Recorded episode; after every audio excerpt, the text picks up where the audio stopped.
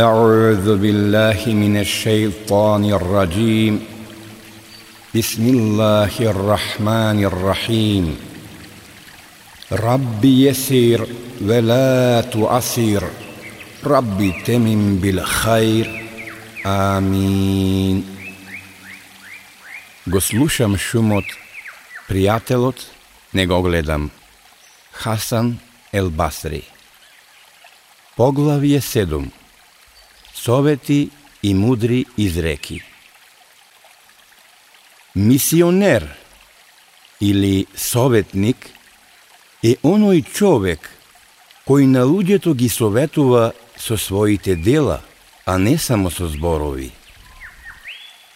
Сум слушнал дека еден од добрите луѓе дал завет дека никогаш повеќе нема да се насмее додека не открие каде му е местото во дженнет или во джехенем и не се насмеал до својата смрт. Минувајќи покрај еден човек што гласно се смеел, Хасан го прашал – Синко мој, го оставили зад себе мостот Сират? Мостот во кој се разделуваат праведните од неправедните во ахиретскиот живот?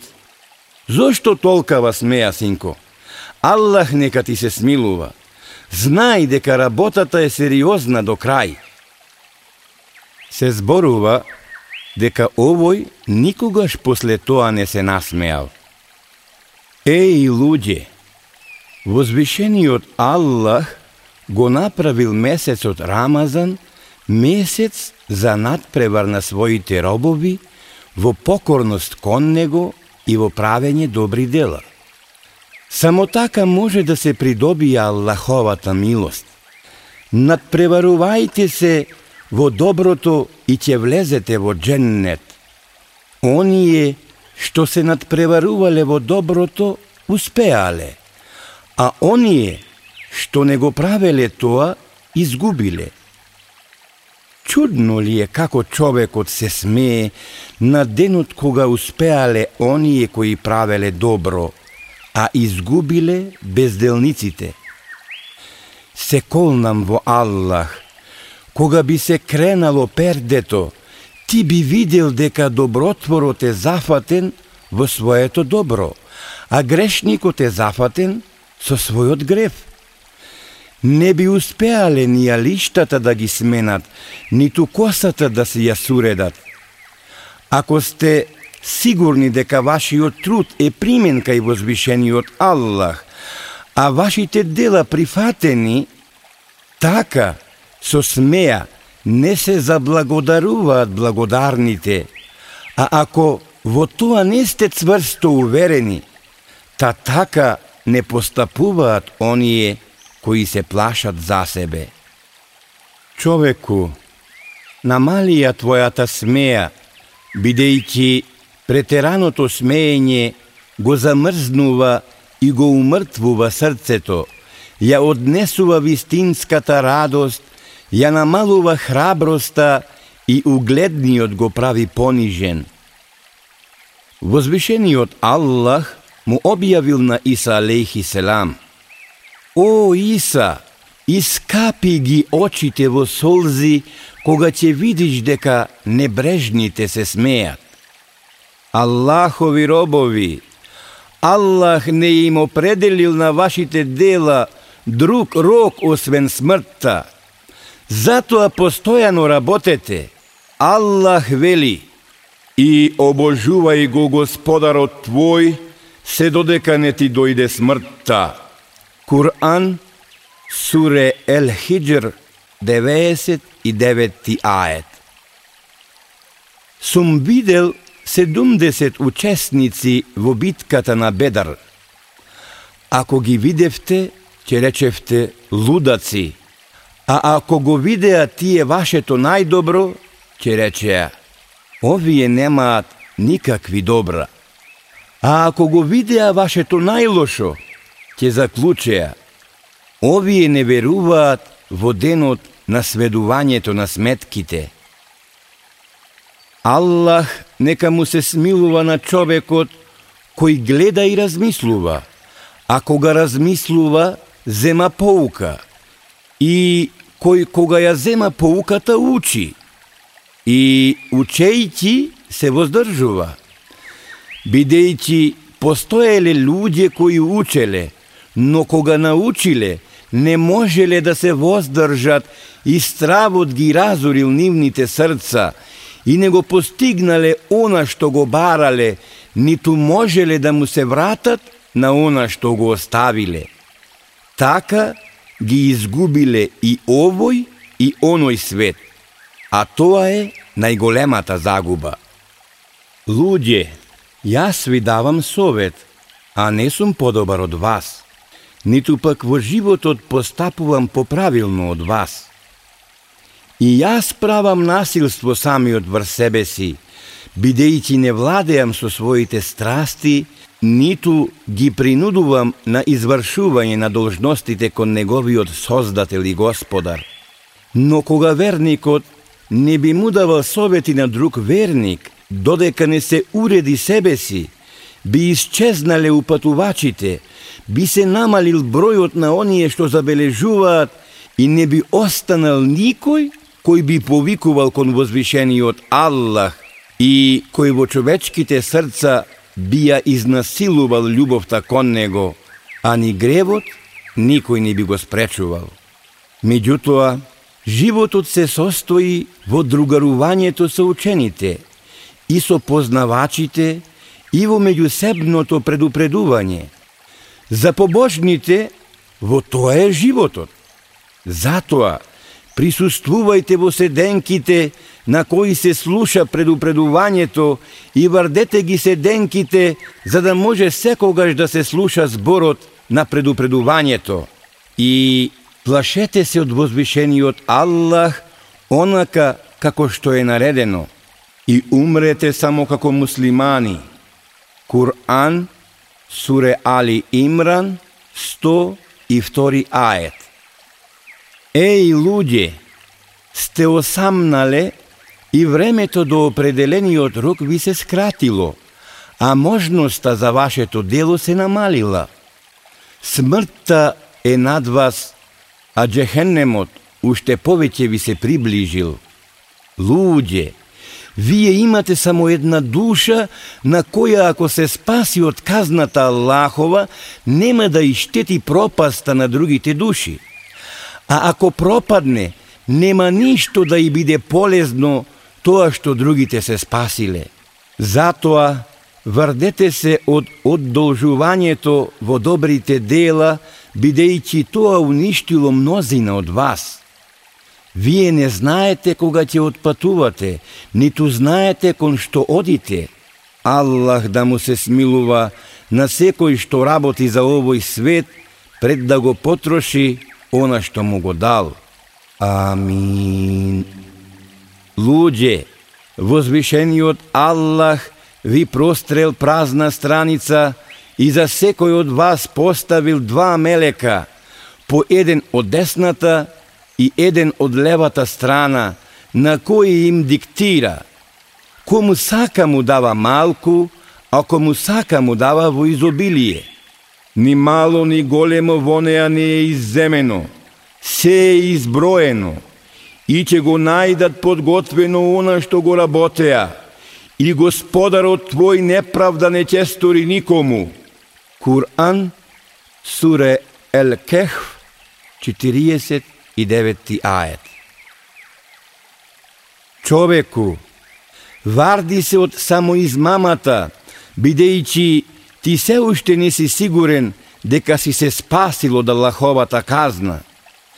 Пред тебе се најголемиот страв и страшниот настан. Во гробот под глава ќе си го ставиш она што за себе си го подготвил. Ако биде добро, ќе ти биде добро, а ако биде лошо, и лошо ќе ти биде. Затоа работи и не одложувај го она што е добро. Подготвувај се додека има време. Варди се од одложувањето. Ти сигурно ќе бидеш прашан и што е можно порано, подготви ги вистинските одговори. Човеку, Верникот го фаќаат мугрите во постојан страв, иако е добротвор, а како верник не може да биде поинаков. А го фаќа мрак во стравот, иако е добротвор, бидејќи како патник не може да биде поинаков. Верникот е постојано меѓу два страва. Стравот од гревот кој го сторил.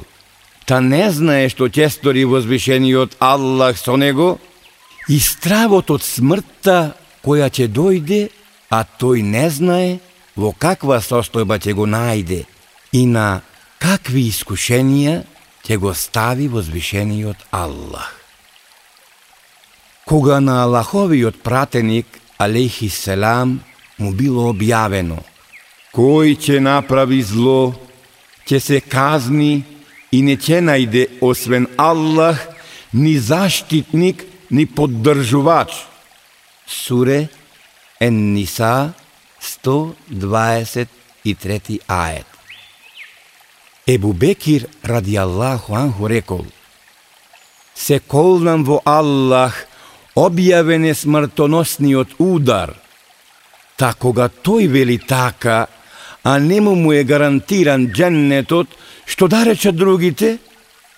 Примете ја поуката, о верници, и бидете постојано предпазливи за да се спасите од казната на големиот ден.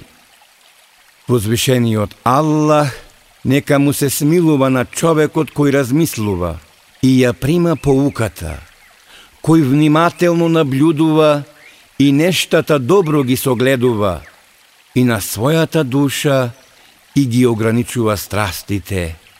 Амин. Човеку, возвишениот Аллах заповедал само нему и на никој друг да му се биде покорен и понизен. Возвишениот Аллах му помага на човекот кој сака да биде покорен. Аллах го забранил грешењето и го направил човекот независен од гревот. Аллах никому кој не сака да греши, не му ги проширил границите на грешењето. Се пренесува дека на судниот ден возвишениот Аллах ќе му рече на Адем алейхи селам.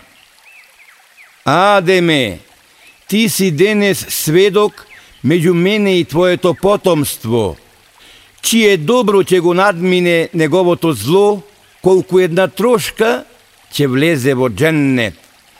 Така да се види дека јас ги казнувам само насилниците. Во джехеннем нема ни една пукнатина, синджир или оков, а на нив да не е втиснато името на казненикот и со што ќе биде казнет. Што мислите, о луѓе, ако сето тоа се најде кај еден човек, плашете се од Аллах и вардете се од неговата одбивност кон вас, кога би знаеле, омразата Аллахова е поголема. Да го запаметеше некој од вас, она што јас го запаметив, и да ја видеше првата генерација на муслиманите, добрата генерација, на вистина до крајот би бил загрижен, бидејќи би се уверил дека сериозниот меѓу вас е како несериозниот меѓу нив, а вредниот ваш како оној меѓу нив кој воопшто не се трудел. Да бев јас задоволен со себе си, се уште би ви го давал овој совет. Но Аллах знае дека не сум задоволен со себе си и затоа не ми е мило на друг да му давам совет. Еј, луѓе, возвишениот Аллах има своји избрани робови. Тие се како оној што ги видел жителите на дженнетот како уживаат, а жителите на джехеннемот како страдаат. Тие работаат настојувајќи да го добијат уживањето што го виделе, а што е можно повеќе да се оддалечат од джехенемот, чиј што оган ќе ги пече грешниците. Тие во срцето се тажни. Тие нема да направат ништо лошо, бидејќи душите им се невини, а потребите незначителни. Тие малку се стрпиле и ја добиле вечноста. Цели ноќи поминуваат во обожувањето и во молењето на Создателот и Господарот свој. Брзат да се ослободат од другото робство и леат солзи, мислејќи на возвишениот Аллах. Тие имаат трпеливи срца, во текот на денот се благи, учени, побожни и сокриени, и оној што не е упатен во нивната работа, мисли дека се имашливи поради скромноста, а поради стравот мислат дека се болни, а тие всушност не се болни, туку се присеќаваат на джехеннемот и го носат стравот во своите срца. Се колнам во Аллах, тие повеќе се воздржуваат над она што возвишениот Аллах им го дозволил, отколку што вие се воздржувате од она што ви го забранил. Во своето срце ја познаваат својата вера подобро, отколку што вие со вашите очи го гледате овој свет.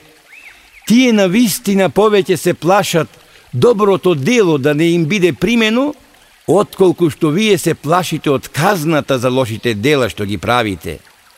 Ете, тоа се приврзаниците на Аллах. Да, приврзаниците на Аллах на вистина се оние што победуваат. Куран, суре Ел Муджаделе, 22 ает. Човеку, воопшто нека не те залажуваат лутите зверки околу тебе. Синот твој, жената твоја, слугата твој и наследниците твои. Синот е како лав, кој по секоја цена сака да го оттргне она што е во твоите раце. Жената е како кучка, која лае и мафта со опашката. Слугата, подкрадувајќите, е како лисица. А на наследниците се колнам во Аллах, помил им е дирхемот кој по твојата смрт ќе им падне враце од секое твое добро, па дури и да си ослободил роб. Варди се себе си да не се натовариш со гревови во настојувањето ним да им биде добро. Ти меѓу нив остануваш малку време, а кога ќе те стават в гроб и кога ќе те остават сам, ќе ги обојат алиштата со жолто и ќе почнат да удираат во дајриња и изнасилено ќе се смеат додека ти ќе бидеш прашуван дури и за она што зад себе си им го оставил. Затоа, навреме подготви се за денот кога душата пред себе ќе си го најде доброто што го спечалила и злото што го спечалила. Ќе посака меѓу нив и него да има далечина голема. Аллах ве опоменува за себе – Аллах е сочувствителен кон робовите своји. Кур'ан, суре Али Имран, 30 ает. Луѓе, кога некој од вас ќе го предупреди и на нешто ќе го посоветува својот другар, тој го прима предупредувањето и советот.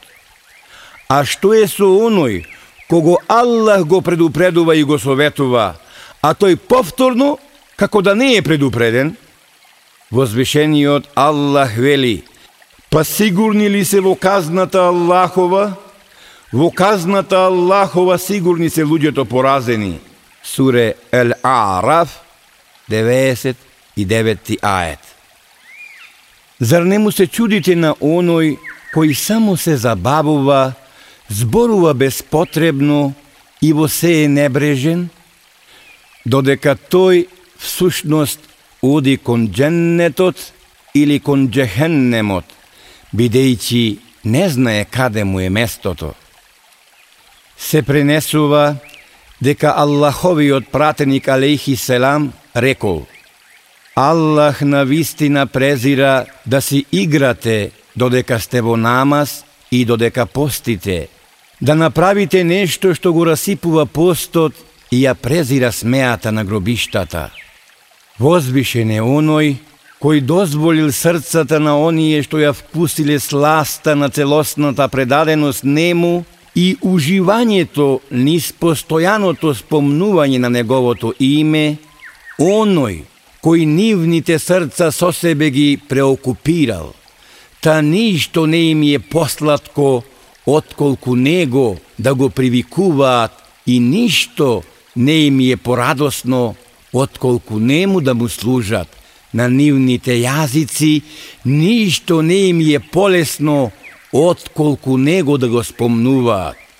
Славен е тој и возвишен над она што го зборуваат политеистите во височина голема. Куран, Суре Исра, 43 ает. Забележано е дека Омер ибни Ел Хаттаб Аллаху анху го разгорувал огинот и приближувајќи си ја раката говорел Пробај сине Ел Хаттабов, можеш ли да издржиш во пеколниот оган? А потоа му се обратил на возвишениот Аллах со молба да го зачува од джехенемот и од работите на оние што работат за джехенемот. И кога Омер ибн Хатаб ради Аллаху анху, како човек кому му е ветен дженнетот, толку стравувал. Како можете вие, о луѓе, да бидите толку сигурни во спасението ваше? Секој ден што доаѓа на човекот му вели Човеку, јас сум новиот ден и ќе сведочам за она што ќе го сториш во мене. Кога еднаш ќе отидам од тебе, никогаш повеќе нема да се вратам. Затоа, подготви што сакаш, но знај, ќе го најдеш само она што самиот си го подготвил. А изостави што сакаш, но знај, дека никогаш повеќе нема да се вратиш на тоа. Човеку, твојот ден е твој гостин кој ќе те остави, па или ќе ти се заблагодари, или ќе те куди. Исто така и ноќта. Човеку, оние што те почитуваат, го прават тоа затоа што душата е во твоето тело. А кога душата ќе замине од телото, тие ќе те остават и кога по некој случај таков би бил ставен пред нив, би се разбегале од тебе како од лав. Вреднувајте ги луѓето според делата, а не според нивните зборови, бидејќи возвишениот Аллах не дал ни еден збор, а да не му определил дело како потврда. Самото дело ја потврдува или ја побива вистинитоста на нечии зборови. Па кога ќе чуеш убав говор, полека со оној што зборува, бидејќи ако своите зборови ги потврди со дело, тој е прекрасен човек. А ако делото се разликува од зборовите, варди се во се да му бидеш сличен, бидејќи така се залажуваат несреќниците. Човеку, Дадени ти се зборот и делото, но делото е поважно од зборот. Имаш јавен и приватен живот, но приватниот живот ти е поважен од јавниот. Имаш чин и последици, но знај, последицата е поважна од краткотрајниот чин. Човеку, зар не знаеш дека возвишениот Аллах рекол – Кон него се извршува убавиот збор и доброто дело тој го крева, а оние кои сплеткарат правејќи лоши дела, ќе имаат казна жестока. Сплеткарењето нивно е безуспешно. Куран, Суре Фатир, 10 ает. Погледнете како на убавиот збор му е потребно добро дело. Затоа, работете правејќи добро и ќе имате крај со кој Аллах е задоволен и вие ќе бидете задоволни. Ничие око нема да биде искапено во солзи од стравопочит кон возвишениот Аллах, а телото да не му биде спасено од джехеннемот. Лицето, кое ќе биде облеано со солзи од сечавање на возвишениот Аллах, нема да го погоди никаква оскулица, ниту ќе го снајде понижување. Секое дело може да се измери и според него да се определи награда, освен солзата пролеана од стравопочит кон возвишениот Аллах. Затоа, таа солза од джехенемскиот оган ќе олесни онолку колку ќе сака Аллах. Кога само еден човек искрено би заплакал пред Аллах, јас би се понадевал дека поради неговиот плач, возвишениот Аллах ќе се смилува на сиот негов народ. Возвишениот Аллах не условил друга цена за знаењето кое му го подарил на човекот, освен онаа цена која ја зема само за добивање на знаењето. Такој ќе научи нешто во име на Аллах, барајќи го со тоа она што е кај Аллах, тој е на добивка. А кој учи во нечие друго име, нема да ја постигне целта, ниту добиеното знаење ќе го одведе кај Аллах. Беден ли е човекот и немочен? Сокриени му се причините и не знае кога смртта ќе дојде. Тафтабитата го вознемирува, а загрцнувањето го убива. Секој ден минува етапа кон оној свет и го напушта живеалиштето на овој свет. А може би покрај тоа ќе се осили и ќе стане горделив, та ќе изврши насилство и ќе покаже дрскост. Еј, луѓе, работете и подгответе се за денот на смртта и Аллах ќе ги види делата ваши а и пратеникот негов. Потоа ќе се вратите кај познавачот на тајното и видливото, па ќе ве извести за она што го правевте. Кур'ан, суре Ед Теуба, 94 ает. Еј, луѓе, искористете го здравието и слободното време, правејќи добри дела пред да дојде денот во кој очите ќе се скаменат отворени и дека ќе трчаат преплашени со кренати глави, очите ококорени, а срцата празни. Кур'ан, Суре Ибрахим, 42-43 ает. Човеку, во никој случај не се плаши од оној кој ја има власта на земјата, бидејќи и тој е роб на твојот Создател и Господар. Не биди лаком кон имотот на оној што го има, бидејќи и тој го јаде само снабдувањето од твојот Господар и Создател. Никогаш не завидувај му на човекот во доброто, бидејќи тој работи според упатството на твојот Создател и Господар – Никогаш не понижувај го сиромавиот, бидејќи тој ти е мил брат. Човеку, не омаловажувај ништо од покорноста кон Аллах, дури и ако во твоите очи е незначително, бидејќи Аллах го прима доброто колку трошка и наградува за еден миг на покорност – кога ти би можел да ја знаеш вредноста на тоа кај својот Создател и Господар, вистински би се радувал.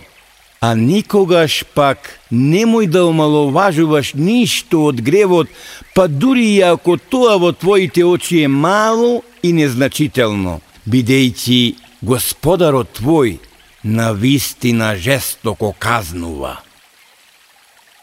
Еднаш Хасан ел Басри присуствувал на еден собир на кој биле собрани старците и младината. Обраќајќи се првин на старците, Хасан ги прашал, што му се прави на посеаното кога ќе созрее?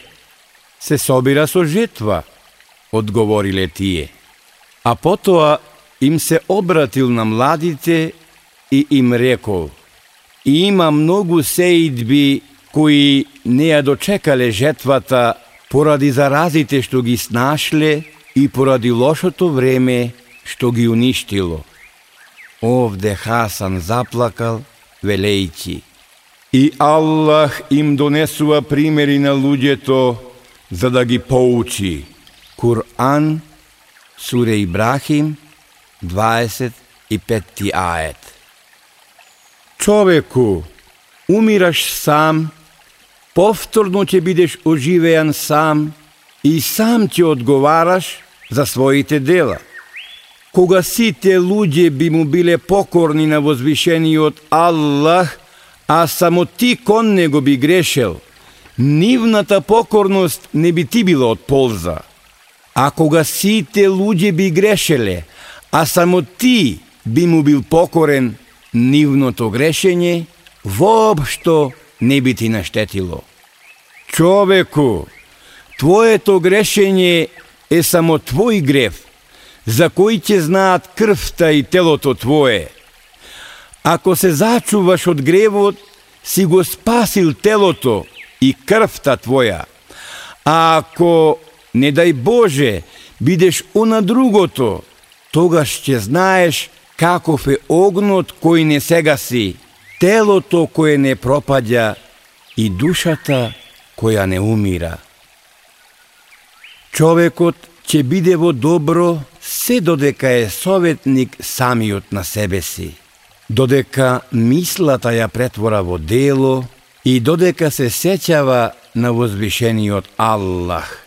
Потоа, себе си ќе се преиспитува и додека денот на конечната пресметка не му биде единствена грижа, а ќе биде во лошо, се додека одложува со доброто, додека ги задоволува телесните лакомости, додека биде небрежен и додека се занесува со пусти желби. Забележано е дека Иса селам им рекол на своите другари Работете во име на Аллах, а не за своите стомаци, бидејќи птиците ниту сеат, ниту жнеат, туку стануваат взори, а единствено снабдување им е она што им го дава Аллах. Ако велите дека вашите стомаци се поголеми од нивните гуши, погледнете го дивечот кој исто така ниту сее, ниту жнее, а единствено снабдување му е она што му го дава Аллах. Оној кој по сабах ќе побара три пати простување на гревовите од Аллах, гревовите ќе му бидат простени, дури и да е еден од оние кои избегале од бојното поле. Забележано е дека Аллаховиот пратеник Мухаммед алейхи селам рекол – се колнам во Аллах, во дженнет ќе влезе само оној што бил милостив. Другарите го прашале, зар не сме сите ние милостиви Аллахов пратенику? На тоа тој им рекол, не е тоа милостивоста на некој од вас кон своето дете или на некој близок, туку сочувството кон се што има душа. Овде Аллаховиот пратеник, Мухамед алейхи селам, го кренал гласот. Омер ибн Хатаб ради Аллаху анху еднаш прашал Сакате ли да ви кажам кои се најдобрите, а кои се најлошите луѓе? И кога другарите му рекле дека сакаат да го слушнат тоа од него, тој продолжил – Најдобри се оние луѓе чиј живот е долг, а делото е добро, од кои човекот секогаш се надева на добро, а сигурен е од нивното зло. А најлоши се оние луѓе чиј живот е долг, а делото е лошо, од кои не се очекуваат никакви добри дела и човекот не е сигурен од нивното зло. На човекот му е подобро да научи некое полезно знаење и да постапува според наученото, отколку целиот овој свет, кога би го имал, да го жртвува за оној свет. Обраќајте му се често на срцето, бидејќи срцата брзо се расипуваат. Бидете строги кон себе си, бидејќи човекот е наклонет кон злото и ако не ги скротите телесните страсти, тоа ќе ве однесе во најголема пропаст. На прашањето што мисли за заземањето на пратеникот Алейхи Селам на судниот ден, Хасан одговорил – Заземањето на судниот ден е вистина, но возвишениот Аллах вели ќе посакаат да излезат од огнот, а нема да излезат од него. За нив има казна постојана. Куран, суре Ел Маиде, 37 Ајет. Го подсетил некој од присутните, па додал, на вистина, Джехеннемот има своји жители кои нема да излегуваат од него, како што вели возвешениот. Па што ќе ги внесува и ќе ги изнесува таквите од него? Некој пак запрашал. Тие на овој свет направиле гревови за кои возвишениот Аллах ќе ги казни и тој повторно ќе ги изведе од огнот затоа што во своето срце носеле верување во него, рекол Хасан. Луѓе, чувајте ги роднинските врски и не ги прекинувајте, бидејќи возвишениот Аллах вели, плашете се од Аллах, со чие име се повикувате и не ги прекинувајте роднинските врски. Аллах на вистина бдее врз вас. Куран Суре Мајде, први ајет. Најдобриот джихад е да се бориш против своите страсти. Кој нема да умре ненадејно, ќе се разболи ненадејно. Затоа плашете се од Аллах и бидете внимателни да не ве затекне изненадувањето на вашиот Господар – Благодатите на возвишениот Аллах се толку бројни што не може да му се заблагодариме без неговата помош. А човековите гревови се толку бројни што никој без Аллаховата помош и прошка не може да се спаси. Сум го слушнал Бекар ибни Абдуллах ради Аллаху анху кога рече Аллах ќе му се смилува на човекот кој бил силен и својата сила ја употребувал во покорноста кон возвишениот Аллах. Ќе му се смилува и на оној кој бил слаб и се вардел од гревовите. Кој лаже, прави разврат, не верува.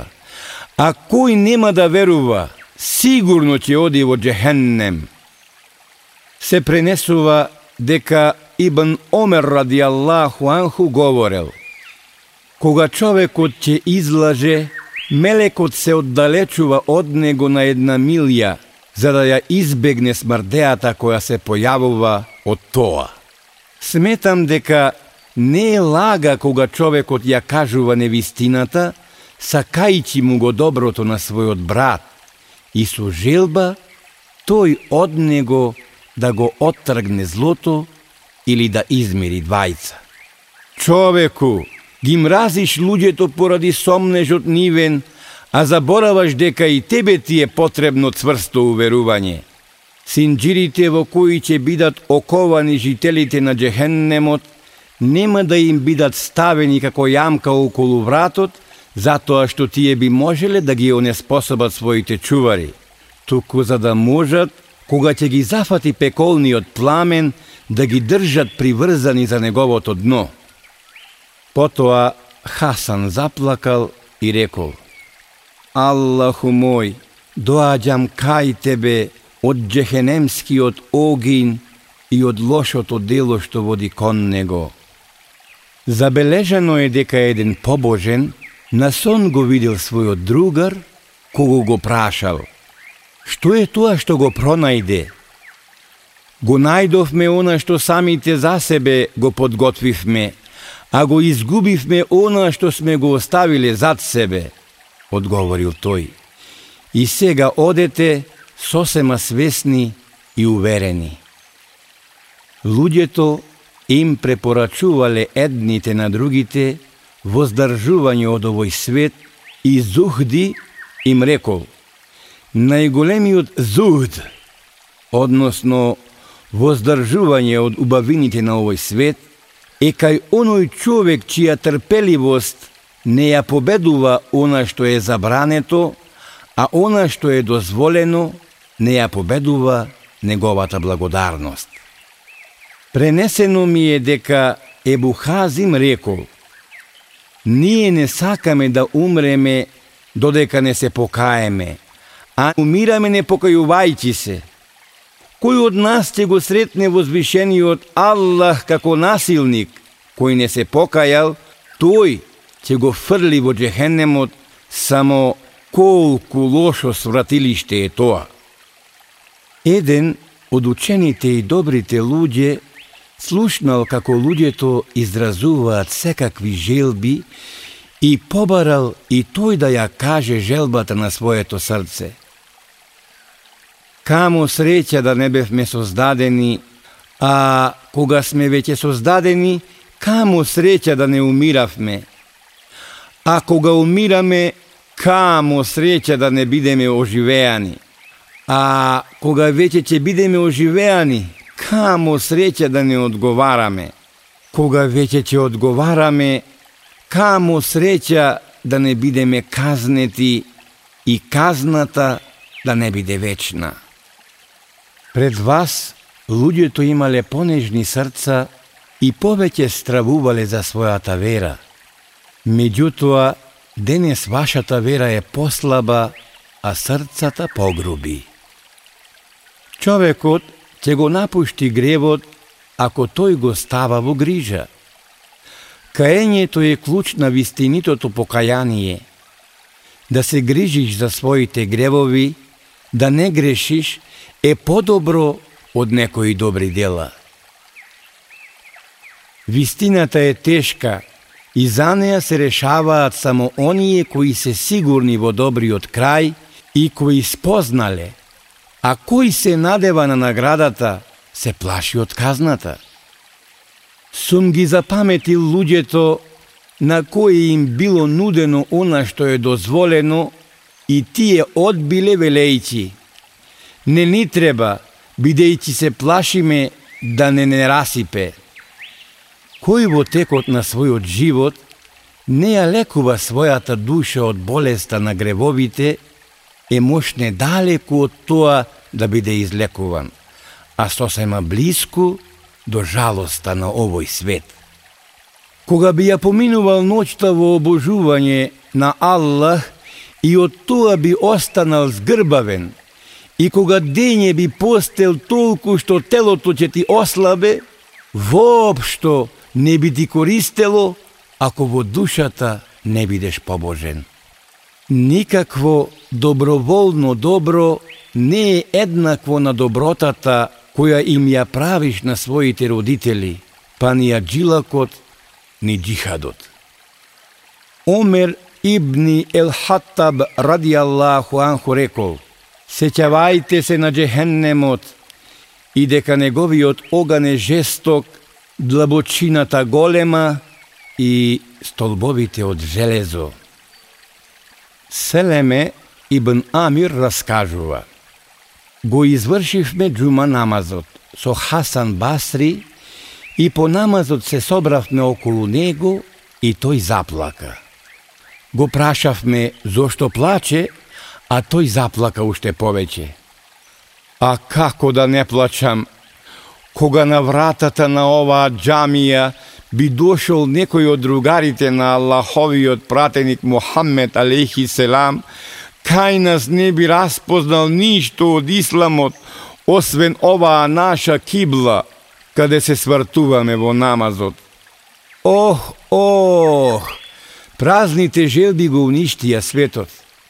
Постои говорот, но не постои делото. Знаењето постои, но трпеливоста не постои. Верувањето постои, но не постои цврстото уверување. Што е тоа?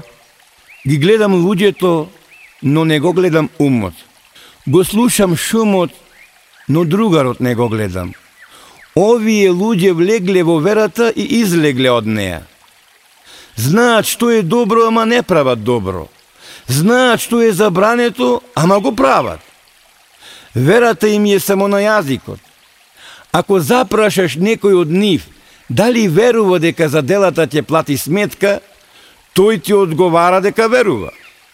Се колнам во владетелот на судниот ден дека лаже, бидејќи во убавото воспитание и во својствата на верникот спаѓа силата покрај верата, одлучноста покрај благоста, благоста со знаењето, умот покрај благото постапување, отменоста во сиромаштија, умереното поведение во богатство, сомилост кон натажениот, дарежливост на вистинското место и праведност покрај страјноста. Верникот нема да му направи насилство ни на оној што го мрази, ниту ќе сгреши помагајќи го оној кого го сака. Тој не озборува, не намигнува понижувајќи го другиот, не ги истражува туѓите мани, не зборува о безработица, не ги пренесува туѓите зборови, не го бара она што не е негово, не ја негира вистината, макар да се однесува и на него, не ги преминува границите во оправдувањето, не се одмаздува кога некого го погодува несреќа, ниту го весели кога некој ќе сгреши. Верникот во намазот е понизен и натажен, и брза што е можно побрзо на Аллах да му падне насеџде. Неговите зборови се вистински лек. Трпеливоста е неговата побожност. Молчењето негово е вистинско размислување, а неговото размислување поука. Се дружи со учениот за да научи. Меѓу нив молчи за да не сгреши, а кога зборува, зборува за да исползува.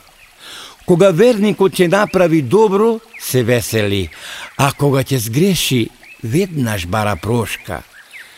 Кога некој ќе го прекори, тој сепак го бара неговото задоволство. А ако некој го навреди и опцуе, тој се покажува како благ.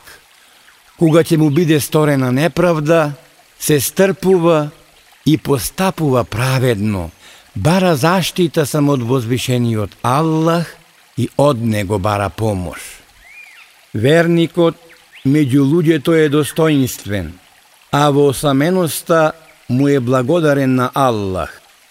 Задоволен е со нафаката која му е дадена, постојано се заблагодарува на удобноста и се стрпува во маката – Ако се најде во друштвото на оние кои го заборавиле возвишениот Аллах, тој се сеќава на Аллах. А кога е во друштвото на оние кои се сеќаваат на Аллах, тој бара прошка за своите гревови. Ете, такви биле другарите на Аллаховиот пратеник Мухаммед алейхи селам во текот на целиот свој живот.